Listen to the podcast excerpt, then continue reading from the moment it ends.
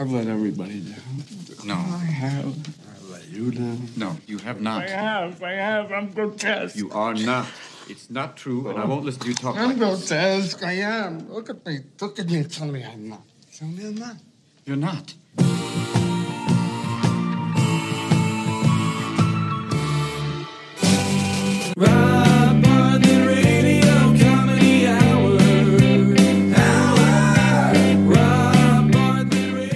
Welcome. Welcome to the Rob Bartlett Radio Comedy Hour. I am Rob Bartlett. This is my Radio Comedy Hour. I know the theme song says it's an hour, it's just an hour, but that's only because it's not quite a half an hour, it doesn't really sing, you know? It's not quite a half an hour, you know, it doesn't work. Tonight, episode 49. Tonight's topic is ableism, which isn't a disease that makes you look like Lincoln. But uh, before we get into the ugliness, I want to remind you Ruthless Spectator presents the comedy series now available as a DVD on Amazon. That's right. You don't just stream it anymore. You can actually own a hard copy of it, which makes it a great gift just in time for dads and grads. Give them the gift of laughter. Also, I'm back on the road this summer. My good friend Billy J. Kramer, Liverpool legend, part of the British invasion. He was there with the Beatles. John and Paul wrote songs for him. We're going to do a show called Do You Want to Know a Secret? I'm going to do some comedy, and then um, Billy will come out, and I'll interview Billy, let him tell some of his stories about Beatlemania and what that was like. And then uh, he and his band, which is a, a great band, by the way, uh, features Liberty DeVitto on drums, formerly of Billy Joel. Uh, they're going to do a set with some of his classics and some newer stuff, and and then uh, I think we're going to do something together at the end, some kind of Beatles tune or something. I'm, I'm looking forward to it. So the birds in the sky won't be sad and lonely cause they know that I've got my one and only they'll be glad you're not bad to me. They'll be glad you're not bad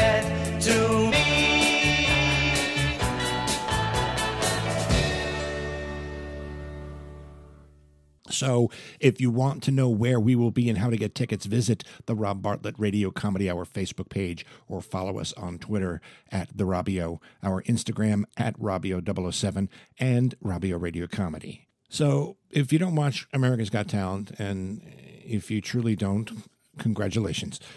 There's a couple of new replacement judges and a new host this year. Terry Crews replaces Tyra Banks. Good call. Film and TV actress Gabrielle Union replaces Scary Spice Mel B.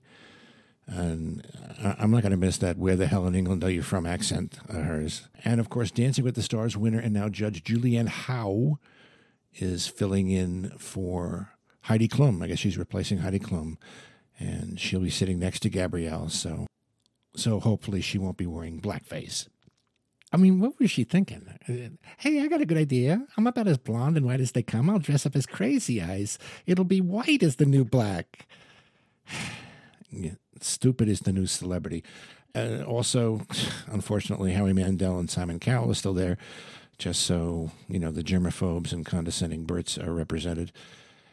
Anyway, if you if you haven't watched it, you still may have heard about this kid Kodi Lee, because the media has gone batshit crazy over him. He's He's 22 years old, blind and autistic, and he plays the piano and sings like amazing. I mean, you hear him speak, and you know you can see he's disabled, and and then he sits down at the piano and starts to sing, and he blows the roof off the joint. Gets a gold buzzer, right to the live shows, literally an overnight sensation. Twitter went nuts. Oprah used her crying emojis and said she cheered in her living room. Perez Hilton said he will never forget how I felt watching Kodi Lee on TV for the first time. You know, like it was one of those, where were you when you heard Kennedy got shot? Or if you're the generation or two behind me, where were you when you heard Saved by the Bell got canceled? There's no taking away the fact that his performance was, ex- I mean, really extraordinary. But the disabled community is pissed off because they say all these accolades are offensive stereotypes about disability that reinforce ableism, which is the topic this evening. Ableism is the Dick Cavett word for discrimination in favor of able bodied people. They claim that, you know, it, it's cripple porn. And, and, and I get it. People without disabilities are condescending towards those who do. Oh, isn't he cute in his little wheelchair? Look at him singing karaoke just like a real boy. You, you, you've seen that happen. You know, it's not like America's Got Talent doesn't capitalize on heartrending stories to get people interested in the acts. You know, you, you say that the single mother with the Siamese twins who was always dreamt of being a singer. The the banjo player. My mama died, got run over by a cement truck, and her last words were, Junior, you keep playing your banjo, and I'll hear it in heaven. and the voice does it. Uh, they all do it. It's not enough to be talented, apparently. You also have to have a tragedy in order to get people to vote for you. I know when I'm deciding between the little girl who's the ventriloquist and the guy who has nothing else in his life but his dummy, I'm going for the little girl because she didn't speak until she was seven. I can relate to the disabled community's frustration. Give credit for the talent without having to make a big deal over the fact that he's autistic. You know, it cheapens his talent. But sometimes it can work in the reverse. There's a lot of show business acts who have disabilities, and quite frankly, they suck. If the guy who plays the xylophone with his feet had both his arms, or the stand up comedian with MS wasn't spasming between punchlines, neither of them would get work. Footsie would still be in the subway playing for spare change, and Shakey'd still be an open micer in Cleveland with 10 minutes about how dogs and cats are different. Uh, I'm sorry, I have to apologize if you hear the noise in the background. It's my neighbor mowing his lawn. Hasn't mowed his fucking lawn in two years. All of a sudden, right now, he decides he's going to trim up the property. Everybody gets it in the fields by supporting someone who has challenges in life. Now, I know the disabled don't like that shit, so I'm going to make sure the compromised comic doesn't trade in his disease for a better spot at the comedy cellar, and the foot maestro doesn't use his situation to, you should excuse the expression, get a leg up. Sorry, I, I couldn't resist. I would take the side of the disabled not wanting the extra attention, to be honest with you, if only for the fact that it'll make me feel better about myself. Oscar Pistorius, remember him? Fastest man with no legs, Blade Runner, did the 400 meter in 45.07 seconds. I couldn't do it that fast in a car. I get winded on the two meter. I can't find the remote, so I have to get up and walk to the TV to change the channel. So I don't need a disabled athlete to give me an inferiority complex. Oscar, I celebrate you. I'd be impressed even if you didn't wear prosthetics, and I respect the fact at least you didn't try to use your disability to get a not guilty verdict in that little situation you had where you shot your girlfriend four times because you thought she was an intruder, which everyone knew was bullshit because she was a South African supermodel, and even if she was an intruder, you wouldn't shoot an intruder who was as smoking hot as your girlfriend. But I guess you kind of realize you didn't have a. No, not going to do it. Not going to do it. Inconceivable! There's another way disabled people get exploited, and that's by Hollywood. Have you seen this Good Doctor show, hospital drama? The hook is the surgeon has autism. It's a laugh riot when you see how they try to manipulate your emotions while you watch this thing. Freddie Highmore is a joy to watch, so so it's worth tuning in just for that. Freddie Highmore is that little British kid from the Finding Neverland movie whose mother dies, and he has this amazing emotional scene with Johnny Depp about how much he misses her. Anyway, he's grown up now. He plays Dr. Sean Murphy, a surgeon who has autism. This past season, there was a new director of surgery, and he demoted Sean because he didn't think that a guy with autism should be in, in the operating room. And so he demotes him to work in pathology. And of course, you know, like Rain Man, Sean's not good at change. I am a surgeon! I am a surgeon! I am, I am a surgeon! I am a surgeon! And uh, Freddie Highmore is probably going to win an Emmy for the role.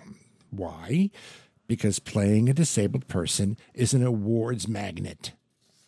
Think about it Rain Man, Dustin Hoffman, Oscar. You're counting cards. We're counting cards. Uh huh. We're counting cards. Tom Hanks, Forrest Gump, Oscar. I'm not a smart man, but I know what love is. Cliff Robertson. Didn't win for Days of Wine and Roses, won for Charly, the movie adaptation of Flowers for Algernon. Oh, Charlie, we missed you at the clinic. The doctors wanted to do some tests. Oh, yeah. Well, I forgot. I went to the library and I never seen so many books in my life. Don't forget the clinic tomorrow night. No, I'm going to write it down on my blackboard twice, I promise. Penny Marshall totally ripped off her Awakenings, which was that clip we played at the very, very beginning, the movie with Robert De Niro and, and Robin Williams. By the way, Robert De Niro didn't win an Oscar for that role because, well, according to uh, Robert Downey Jr. in in Tropic Thunder, he didn't he didn't play the part the right way. Tropic Thunder is definitely, if you haven't seen it, it's definitely worth a uh, on demand, uh, a stream, whatever. Ben Stiller plays this hacky actor um, who is in this war movie, but it turns out it's not really a movie. It's an actual war. For some reason, they get stuck in the middle of it. It's, it's an idiotic premise, but it, it really works for this. Anyway, he plays this hacky actor who his claim to fame was playing a retarded guy in a movie called Simple Jack. And Robert Downey Jr. plays Kirk Lazarus, who is a white actor who wears blackface to play a black man in the war movie. And they have this bonding scene where he assesses Ben Stiller's choice, acting choice, when playing Simple Jack. Everybody knows you never go full retard. What do you mean? Check it out. Dustin Hoffman, Rain Man, look retarded, act retarded. Not retarded. Count two picks, cheated cards. Autistic. Sure. Not retarded. Got Tom Hanks, Forrest Gump. Slow, yes, retarded maybe, braces on his legs, but he charmed the pants off Nixon and won a ping pong competition. That ain't retarded. He was a goddamn war hero. You know any retarded war heroes? You went full retard, man. Never go full retard. You don't buy that? Ask Sean Penn, 2001, I am Sam. Remember? Went full retard. Went home empty handed. I guess Julianne Hough probably thought it was okay for her to wear blackface, you know, if Robert Downey Jr. could do it. But because she's a woman, she doesn't get the same consideration as a male actor. And that's that's going to be a, another topic for another show. Bottom line is, this Kodi kid shouldn't be given notice because of his disability. He should get attention because he's a killer talent. Stages. Ten thousand people watching,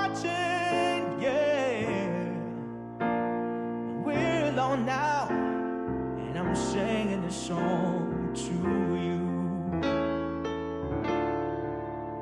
I love you in a place, oh, there's no space or time. I love you from my life.